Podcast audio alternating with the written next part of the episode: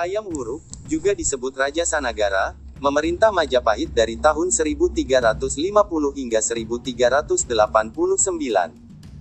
Pada masanya Majapahit mencapai puncak kejayaannya dengan bantuan Mahapatihnya, Gajah Mada. Di bawah perintah Gajah Mada tahun 1313 sampai tahun 1364 Majapahit menguasai lebih banyak wilayah. Menurut Kakawin Nagara Kretagama Pupuh Sihi 15, daerah kekuasaan Majapahit meliputi Sumatera, Semenanjung Malaya, Kalimantan, Sulawesi, Kepulauan Nusa Tenggara, Maluku, Papua, Tumasik, Singapura, dan sebagian kepulauan Filipina. Sumber ini menunjukkan batas terluas sekaligus puncak kejayaan kemaharajaan Majapahit.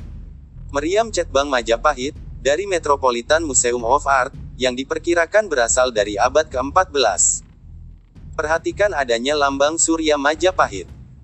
Namun, batasan alam dan ekonomi menunjukkan bahwa daerah-daerah kekuasaan tersebut tampaknya tidaklah berada di bawah kekuasaan terpusat Majapahit, tetapi terhubungkan satu sama lain oleh perdagangan yang mungkin berupa monopoli oleh raja.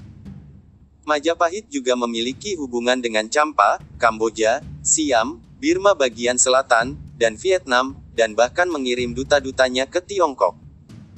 Selain melancarkan serangan dan ekspedisi militer, Majapahit juga menempuh jalan diplomasi dan menjalin persekutuan.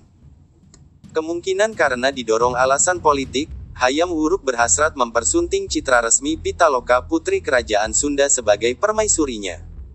Pihak Sunda menganggap lamaran ini sebagai perjanjian persekutuan. Pada 1357 rombongan Raja Sunda beserta keluarga dan pengawalnya bertolak ke Majapahit mengantarkan sang putri untuk dinikahkan dengan Hayam Wuruk. Akan tetapi Gajah Mada melihat hal ini sebagai peluang untuk memaksa kerajaan Sunda takluk di bawah Majapahit. Pertarungan antara keluarga kerajaan Sunda dengan tentara Majapahit di lapangan Bubat tidak terelakkan. Meski dengan gagah berani memberikan perlawanan, keluarga kerajaan Sunda kewalahan dan akhirnya dikalahkan. Hampir seluruh rombongan keluarga kerajaan Sunda dapat dibinasakan secara kejam. Tradisi menyebutkan bahwa sang putri yang kecewa, dengan hati remuk redam melakukan, bela pati, bunuh diri untuk membela kehormatan negaranya. Kisah Pasunda Bubat menjadi tema utama dalam naskah Kidung Sunda yang disusun pada zaman kemudian di Bali dan juga naskah Carita Parahyangan. Kisah ini disinggung dalam Pararaton tetapi sama sekali tidak disebutkan dalam Nagara Kretagama. Kakawin Nagara Kretagama yang disusun pada tahun 1365 menyebutkan budaya keraton yang adiluhung, anggun, dan canggih, dengan cita rasa seni dan sastra yang halus dan tinggi, serta sistem ritual keagamaan yang rumit. Sang pujangga menggambarkan Majapahit sebagai pusat mandala raksasa yang membentang dari Sumatera ke Papua, mencakup semenanjung Malaya dan Maluku. Tradisi lokal di berbagai daerah di Nusantara masih mencatat kisah legenda mengenai kekuasaan Majapahit. Administrasi pemerintahan langsung oleh Kerajaan Majapahit hanya mencakup wilayah Jawa Timur dan Bali, di luar daerah itu hanya semacam pemerintahan otonomi luas, pembayaran upeti berkala, dan pengakuan kedaulatan Majapahit atas mereka. Akan tetapi segala pemberontakan atau tantangan bagi ketuanan Majapahit atas daerah itu dapat mengundang reaksi keras. Pada tahun 1377, beberapa tahun setelah kematian Gajah Mada, Majapahit melancarkan serangan laut untuk menumpas pemberontakan di Palembang. Meskipun penguasa Majapahit memperluas kekuasaannya pada berbagai pulau dan kadang-kadang menyerang kerajaan tetangga, perhatian utama Majapahit tampaknya adalah mendapatkan porsi terbesar dan mengendalikan perdagangan di Kepulauan Nusantara. Pada saat inilah pedagang Muslim dan penyebar agama Islam mulai memasuki kawasan ini. Surutnya Majapahit Sunting Bidadari Majapahit, Arca Emas Apsara Gaya Majapahit menggambarkan zaman kerajaan Majapahit sebagai zaman keemasan Nusantara. Nusantara. Terakota wajah yang dipercaya sebagai sesudah mencapai puncaknya pada abad ke-14, kekuasaan Majapahit berangsur-angsur melemah. Setelah wafatnya Hayam Wuruk pada tahun 1389, Majapahit memasuki masa kemunduran akibat konflik perebutan tahta. Kematian Hayam Wuruk dan adanya konflik perebutan tahta menyebabkan daerah-daerah Majapahit di bagian utara Sumatera dan Semenanjung Malaya memerdekakan diri, di mana Semenanjung Malaya menjadi daerah kekuasaan kerajaan Ayutthaya hingga nantinya muncul Kesultanan Melaka yang didukung oleh dinasti Ming. Pewaris Hayam Wuruk adalah putri mahkota Kusumawardani, yang menikahi sepupunya sendiri, Pangeran Wikramawardana. Hayam Wuruk juga memiliki seorang putra dari selirnya Wirabumi yang juga menuntut haknya atas tahta. Perang saudara yang disebut Perang Paregrek diperkirakan terjadi pada tahun-tahun 1405 sampai tahun 1406, antara Wirabumi melawan Wikramawardana. Perang ini akhirnya dimenangi Wikramawardana, sementara Wirabumi ditangkap dan kemudian dipancung. Tampaknya perang saudara ini melemahkan kendali Majapahit atas daerah-daerah taklukannya di seberang. Pada kurun pemerintahan Wikramawardana, serangkaian ekspedisi laut dinasti Ming yang dipimpin oleh Laksamana Cheng Ho, seorang jenderal Muslim China, tiba di Jawa beberapa kali antara kurun waktu 1405 sampai 1433. Sejak tahun 1430 ekspedisi Cheng Ho ini telah menciptakan komunitas Muslim China dan Arab di beberapa kota pelabuhan pantai utara Jawa, seperti di Semarang, Demak, Tuban, dan Ampel. Maka Islam pun mulai memiliki pijakan di pantai utara Jawa. Wikramawardana memerintah hingga tahun 1426, dan diteruskan oleh putrinya, Ratu Suhita, yang memerintah pada tahun 1426 sampai 1447. Ia adalah putri kedua Wikramawardana dari seorang selir yang juga putri kedua Wirabumi. Pada 1447, Suhita mangkat dan pemerintahan dilanjutkan oleh Kertawijaya, adik laki-lakinya. Ia memerintah hingga tahun 1451. Setelah Kertawijaya wafat, Bre Pamotan menjadi raja dengan gelar Raja Sawardana dan memerintah di Kahuripan. Ia wafat pada tahun 1453 M. Terjadi jeda waktu tiga tahun tanpa raja akibat krisis pewarisan tahta. Giri Sawardana, putra Kertawijaya, naik tahta pada 1456. Ia kemudian wafat pada 1466 dan digantikan oleh Singhawikrama-Wardana. Pada 1468 Pangeran Kertabumi memberontak terhadap Singhawikrama-Wardana dan mengangkat dirinya sebagai Raja Majapahit. Ketika Majapahit didirikan, pedagang muslim dan para penyebar agama sudah mulai memasuki Nusantara. Pada akhir abad ke-14 dan awal abad ke-15, pengaruh Majapahit di seluruh Nusantara mulai berkurang. Pada saat bersamaan, sebuah kerajaan perdagangan baru yang berdasarkan Islam, yaitu Kesultanan Malaka, mulai muncul di bagian barat Nusantara. Di bagian barat kemaharajaan yang mulai runtuh ini, Majapahit tak kuasa lagi membendung kebangkitan Kesultanan Malaka yang pada pertengahan abad ke-15 mulai menguasai Selat Malaka dan melebarkan kekuasaannya ke Sumatera. Sementara itu beberapa jajahan dan daerah taklukan Majapahit di daerah lainnya di Nusantara, satu persatu mulai melepaskan diri. Pada masa pemerintahan Wikramawardana, daerah kekuasaan Majapahit di Pulau Sumatera hanya tinggal Indragiri, Jambi dan Palembang, sebagaimana ditulis pada catatan Ying Yai Senglan ciptaan Mahuan, salah satu penerjemah Laksamana Cheng Ho. Dan setelah kematian Wikramawardana dan masa pemerintahan penerusnya, daerah Indragiri diberikan kepada Mansur Shah dari Malaka sebagai hadiah pernikahannya dengan Putri Majapahit, yang semakin mengurangi kendali Majapahit di Sumatera. Setelah mengalami kekalahan dalam perebutan kekuasaan dengan Brekertabumi, Singhawikrama-Wardana mengasingkan diri ke pedalaman di Daha, bekas ibu kota kerajaan Kediri, dan terus melanjutkan pemerintahannya di sana hingga digantikan oleh putranya Ranawijaya pada tahun 1474. Pada 1478 Ranawijaya mengalahkan Kertabumi dengan memanfaatkan ketidakpuasan umat Hindu dan Buddha atas kebijakan Bre Kertabumi serta mempersatukan kembali Majapahit menjadi satu kerajaan. Ranawijaya memerintah pada kurun waktu 1474 hingga 1498 dengan gelar Girindrawardana hingga ia digulingkan oleh Patih Udara. Akibat konflik dinasti ini, Majapahit menjadi lemah dan mulai bangkitnya kekuatan kerajaan Demak yang didirikan oleh keturunan Brewirabumi di pantai utara Jawa.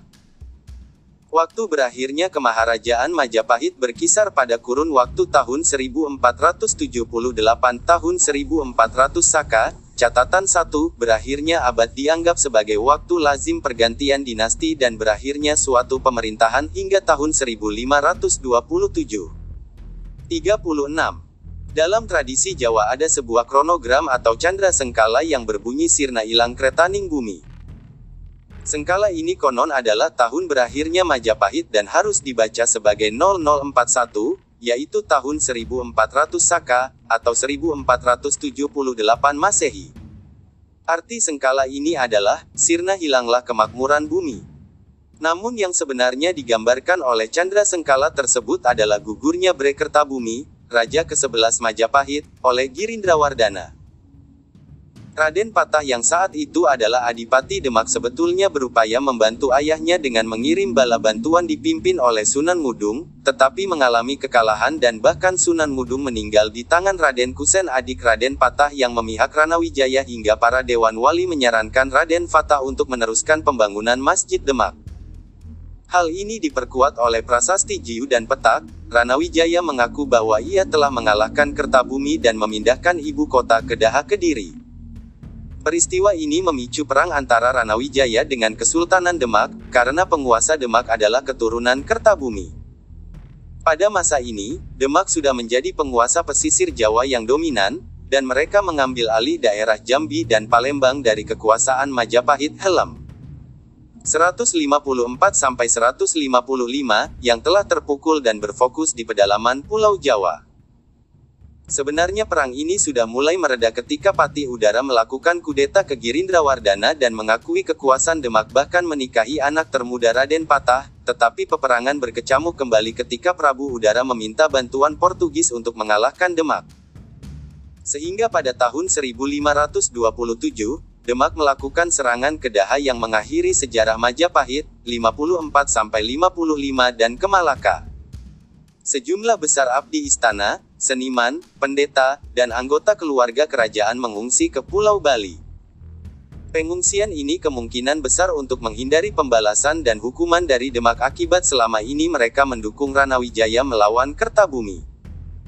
Dengan jatuhnya Daha yang dihancurkan oleh Demak pada tahun 1527, kekuatan kerajaan Islam pada awal abad ke-16 akhirnya mengalahkan sisa kerajaan Majapahit. Demak di bawah pemerintahan Raden kemudian menjadi Sultan Patah Fatah diakui sebagai penerus kerajaan Majapahit. Menurut babat tanah Jawi dan tradisi Demak, legitimasi Raden Patah karena ia adalah putra Raja Majapahit Brawijaya kelima dengan seorang putri China. Catatan sejarah dari Tiongkok, Portugis Tome Pires dan Italia Pigafetta, mengindikasikan bahwa telah terjadi perpindahan kekuasaan Majapahit dari tangan penguasa Hindu ke tangan Adipati Unus, penguasa dari Kesultanan Demak, antara tahun 1518 dan 1521 M. Demak memastikan posisinya sebagai kekuatan regional dan menjadi kerajaan Islam pertama yang berdiri di tanah Jawa. Saat itu setelah keruntuhan Majapahit, sisa kerajaan Hindu yang masih bertahan di Jawa hanya tinggal kerajaan Belambangan di ujung timur, serta kerajaan Sunda yang beribu kota di Pajajaran di bagian barat. Perlahan-lahan Islam mulai menyebar seiring mundurnya masyarakat Hindu ke pegunungan dan ke Bali. Beberapa kantung masyarakat Hindu Tengger hingga kini masih bertahan di pegunungan Tengger, kawasan Bromo dan Semeru. Militer dan persenjataan Sunting pada zaman Majapahit terjadi perkembangan, pelestarian, dan penyebaran teknik pembuatan keris berikut fungsi sosial dan ritualnya. Teknik pembuatan keris mengalami penghalusan dan pemilihan bahan menjadi semakin selektif. Keris Pramajapahit dikenal berat namun semenjak masa ini dan seterusnya, bila keris yang ringan tetapi kuat menjadi petunjuk kualitas sebuah keris. Penggunaan keris sebagai tanda kebesaran kalangan aristokrat juga berkembang pada masa ini dan meluas ke berbagai penjuru Nusantara, terutama di bagian barat. Berdasarkan buku sejarah Yuan, prajurit pada masa Majapahit awal didominasi oleh infanteri ringan. Pada saat serbuan Mongol ke Jawa, 1293 tentara Jawa dideskripsikan sebagai prajurit yang dimobilisasi sementara dari petani dan beberapa prajurit bangsawan. Para bangsawan berbaris di garis depan, dan pasukan belakang yang besar berformasi T terbalik. Tentara petani, Jawa berpakaian setengah telanjang dan ditutupi dengan kain katun di bagian pinggangnya, sarung. Sebagian besar senjata adalah busur dan panah, tombak bambu, dan pedang pendek. Kaum aristokrat sangat dipengaruhi oleh budaya India, biasanya dipersenjatai dengan pedang dan tombak, dan berpakaian putih. Senjata mesiu yang digunakan oleh Majapahit, kiri ke kanan. Sebuah cetbang berlaras ganda di atas kereta meriam Gun Karyage, dengan garpu putar.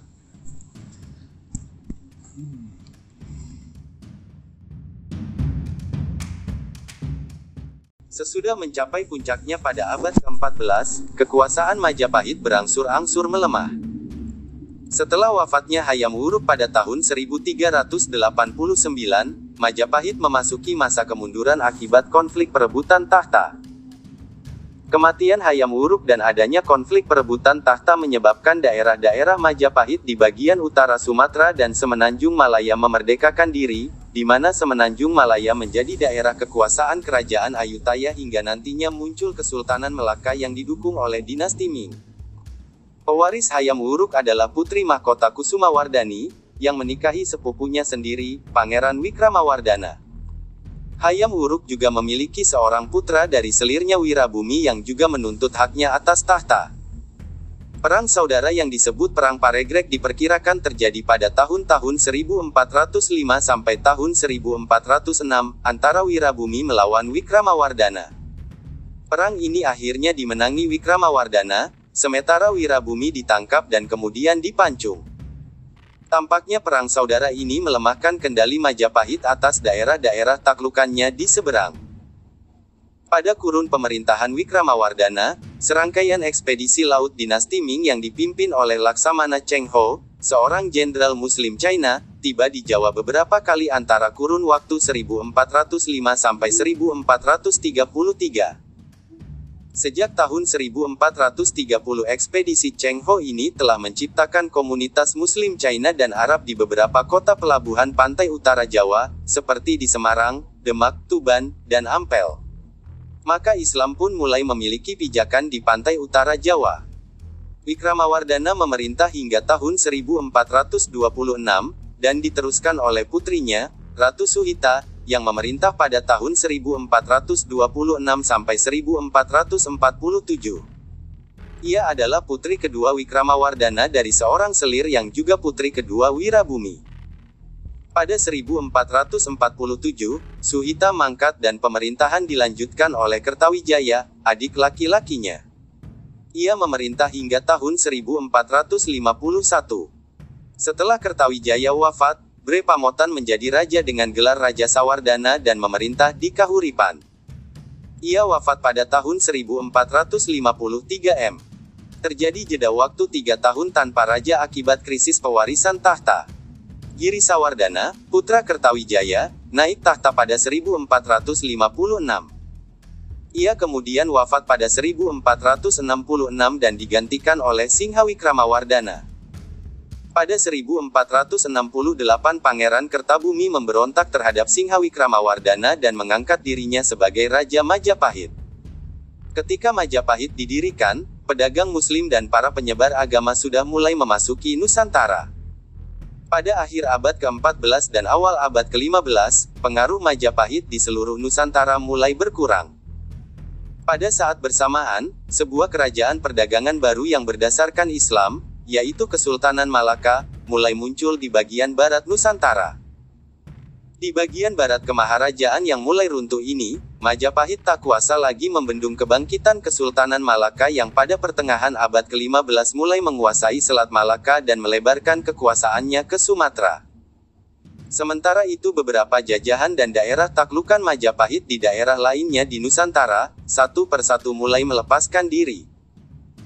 Pada masa pemerintahan Wikramawardana, daerah kekuasaan Majapahit di Pulau Sumatera hanya tinggal Indragiri, Jambi dan Palembang, sebagaimana ditulis pada catatan Ying Yai Senglan ciptaan Mahuan, salah satu penerjemah Laksamana Cheng Ho. Dan setelah kematian Wikramawardana dan masa pemerintahan penerusnya, daerah Indragiri diberikan kepada Mansur Shah dari Malaka sebagai hadiah pernikahannya dengan Putri Majapahit, yang semakin mengurangi kendali Majapahit di Sumatera. Setelah mengalami kekalahan dalam perebutan kekuasaan dengan Brekertabumi, Singhawi Kramawardana mengasingkan diri ke pedalaman di Daha, bekas ibu kota kerajaan Kediri, dan terus melanjutkan pemerintahannya di sana hingga digantikan oleh putranya Ranawijaya pada tahun 1474. Pada 1478 Ranawijaya mengalahkan Kertabumi dengan memanfaatkan ketidakpuasan umat Hindu dan Buddha atas kebijakan Bre Kertabumi serta mempersatukan kembali Majapahit menjadi satu kerajaan. Ranawijaya memerintah pada kurun waktu 1474 hingga 1498 dengan gelar Girindrawardana hingga ia digulingkan oleh Patih Udara. Akibat konflik dinasti ini, Majapahit menjadi lemah dan mulai bangkitnya kekuatan kerajaan Demak yang didirikan oleh keturunan Brewirabumi di pantai utara Jawa. Waktu berakhirnya kemaharajaan Majapahit berkisar pada kurun waktu tahun 1478 tahun 1400 Saka, catatan 1, berakhirnya abad dianggap sebagai waktu lazim pergantian dinasti dan berakhirnya suatu pemerintahan hingga tahun 1527. 36. Dalam tradisi Jawa ada sebuah kronogram atau candra sengkala yang berbunyi sirna ilang kretaning bumi. Sengkala ini konon adalah tahun berakhirnya Majapahit dan harus dibaca sebagai 0041, yaitu tahun 1400 Saka, atau 1478 Masehi. Arti sengkala ini adalah, sirna hilanglah kemakmuran bumi. Namun yang sebenarnya digambarkan oleh Chandra Sengkala tersebut adalah gugurnya Brekertabumi, Raja ke-11 Majapahit, oleh Girindrawardana. Raden Patah yang saat itu adalah Adipati Demak sebetulnya berupaya membantu ayahnya dengan mengirim bala bantuan dipimpin oleh Sunan Mudung, tetapi mengalami kekalahan dan bahkan Sunan Mudung meninggal di tangan Raden Kusen adik Raden Patah yang memihak Ranawijaya hingga para Dewan Wali menyarankan Raden Fatah untuk meneruskan pembangunan Masjid Demak. Hal ini diperkuat oleh prasasti Jiu dan Petak, Ranawijaya mengaku bahwa ia telah mengalahkan Kertabumi dan memindahkan ibu kota ke Daha Kediri. Peristiwa ini memicu perang antara Ranawijaya dengan Kesultanan Demak, karena penguasa Demak adalah keturunan Kertabumi. Pada masa ini, Demak sudah menjadi penguasa pesisir Jawa yang dominan, dan mereka mengambil alih daerah Jambi dan Palembang dari kekuasaan Majapahit, yang telah terpukul dan berfokus di pedalaman Pulau Jawa. Sebenarnya perang ini sudah mulai mereda ketika Patih Udara melakukan kudeta ke Girindrawardana dan mengakui kekuasaan Demak bahkan menikahi anak termuda Raden Patah, tetapi peperangan berkecamuk kembali ketika Prabu Udara meminta bantuan Portugis untuk mengalahkan Demak. Sehingga pada tahun 1527, Demak melakukan serangan ke Daha yang mengakhiri sejarah Majapahit, 54-55 dan Kemalaka.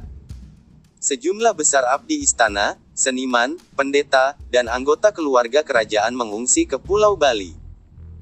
Pengungsian ini kemungkinan besar untuk menghindari pembalasan dan hukuman dari Demak akibat selama ini mereka mendukung Ranawijaya melawan Kertabumi. Dengan jatuhnya Daha yang dihancurkan oleh Demak pada tahun 1527, kekuatan kerajaan Islam pada awal abad ke-16 akhirnya mengalahkan sisa kerajaan Majapahit. Demak di bawah pemerintahan Raden kemudian menjadi Sultan Patah Fatah diakui sebagai penerus kerajaan Majapahit. Menurut babat tanah Jawi dan tradisi Demak, legitimasi Raden Patah karena ia adalah putra Raja Majapahit Brawijaya kelima dengan seorang putri China. Catatan sejarah dari Tiongkok, Portugis Tome Pires dan Italia Pigafetta, mengindikasikan bahwa telah terjadi perpindahan kekuasaan Majapahit dari tangan penguasa Hindu ke tangan Adipati Unus, penguasa dari Kesultanan Demak, antara tahun 1518 dan 1521 m. Demak memastikan posisinya sebagai kekuatan regional dan menjadi kerajaan Islam pertama yang berdiri di tanah Jawa. Saat itu setelah keruntuhan Majapahit, sisa kerajaan Hindu yang masih bertahan di Jawa hanya tinggal kerajaan Belambangan di ujung timur, serta kerajaan Sunda yang beribu kota di Pajajaran di bagian barat. Perlahan-lahan Islam mulai menyebar seiring mundurnya masyarakat Hindu ke pegunungan dan ke Bali. Beberapa kantung masyarakat Hindu Tengger hingga kini masih bertahan di pegunungan Tengger, kawasan Bromo dan Semeru. Militer dan persenjataan Sunting pada zaman Majapahit terjadi perkembangan, pelestarian, dan penyebaran teknik pembuatan keris berikut fungsi sosial dan ritualnya. Teknik pembuatan keris mengalami penghalusan dan pemilihan bahan menjadi semakin selektif. Keris Pramajapahit dikenal berat namun semenjak masa ini dan seterusnya, bila keris yang ringan tetapi kuat menjadi petunjuk kualitas sebuah keris. Penggunaan keris sebagai tanda kebesaran kalangan aristokrat juga berkembang pada masa ini dan meluas ke berbagai penjuru Nusantara, terutama di bagian barat. Berdasarkan buku sejarah Yuan, prajurit pada masa Majapahit awal didominasi oleh infanteri ringan. Pada saat serbuan Mongol ke Jawa, 1293 tentara Jawa dideskripsikan sebagai prajurit yang dimobilisasi sementara dari petani dan beberapa prajurit bangsawan. Para bangsawan berbaris di garis depan, dan pasukan belakang yang besar berformasi T terbalik. Tentara petani, Jawa berpakaian setengah telanjang dan ditutupi dengan kain katun di bagian pinggangnya, sarung. Sebagian besar senjata adalah busur dan panah, tombak bambu, dan pedang pendek. Kaum aristokrat sangat dipengaruhi oleh budaya India, biasanya dipersenjatai dengan pedang dan tombak, dan berpakaian putih. Senjata mesiu yang digunakan oleh Majapahit, kiri ke kanan. Sebuah cetbang berlaras ganda di atas kereta meriam Gun Karyage, dengan garpu putar.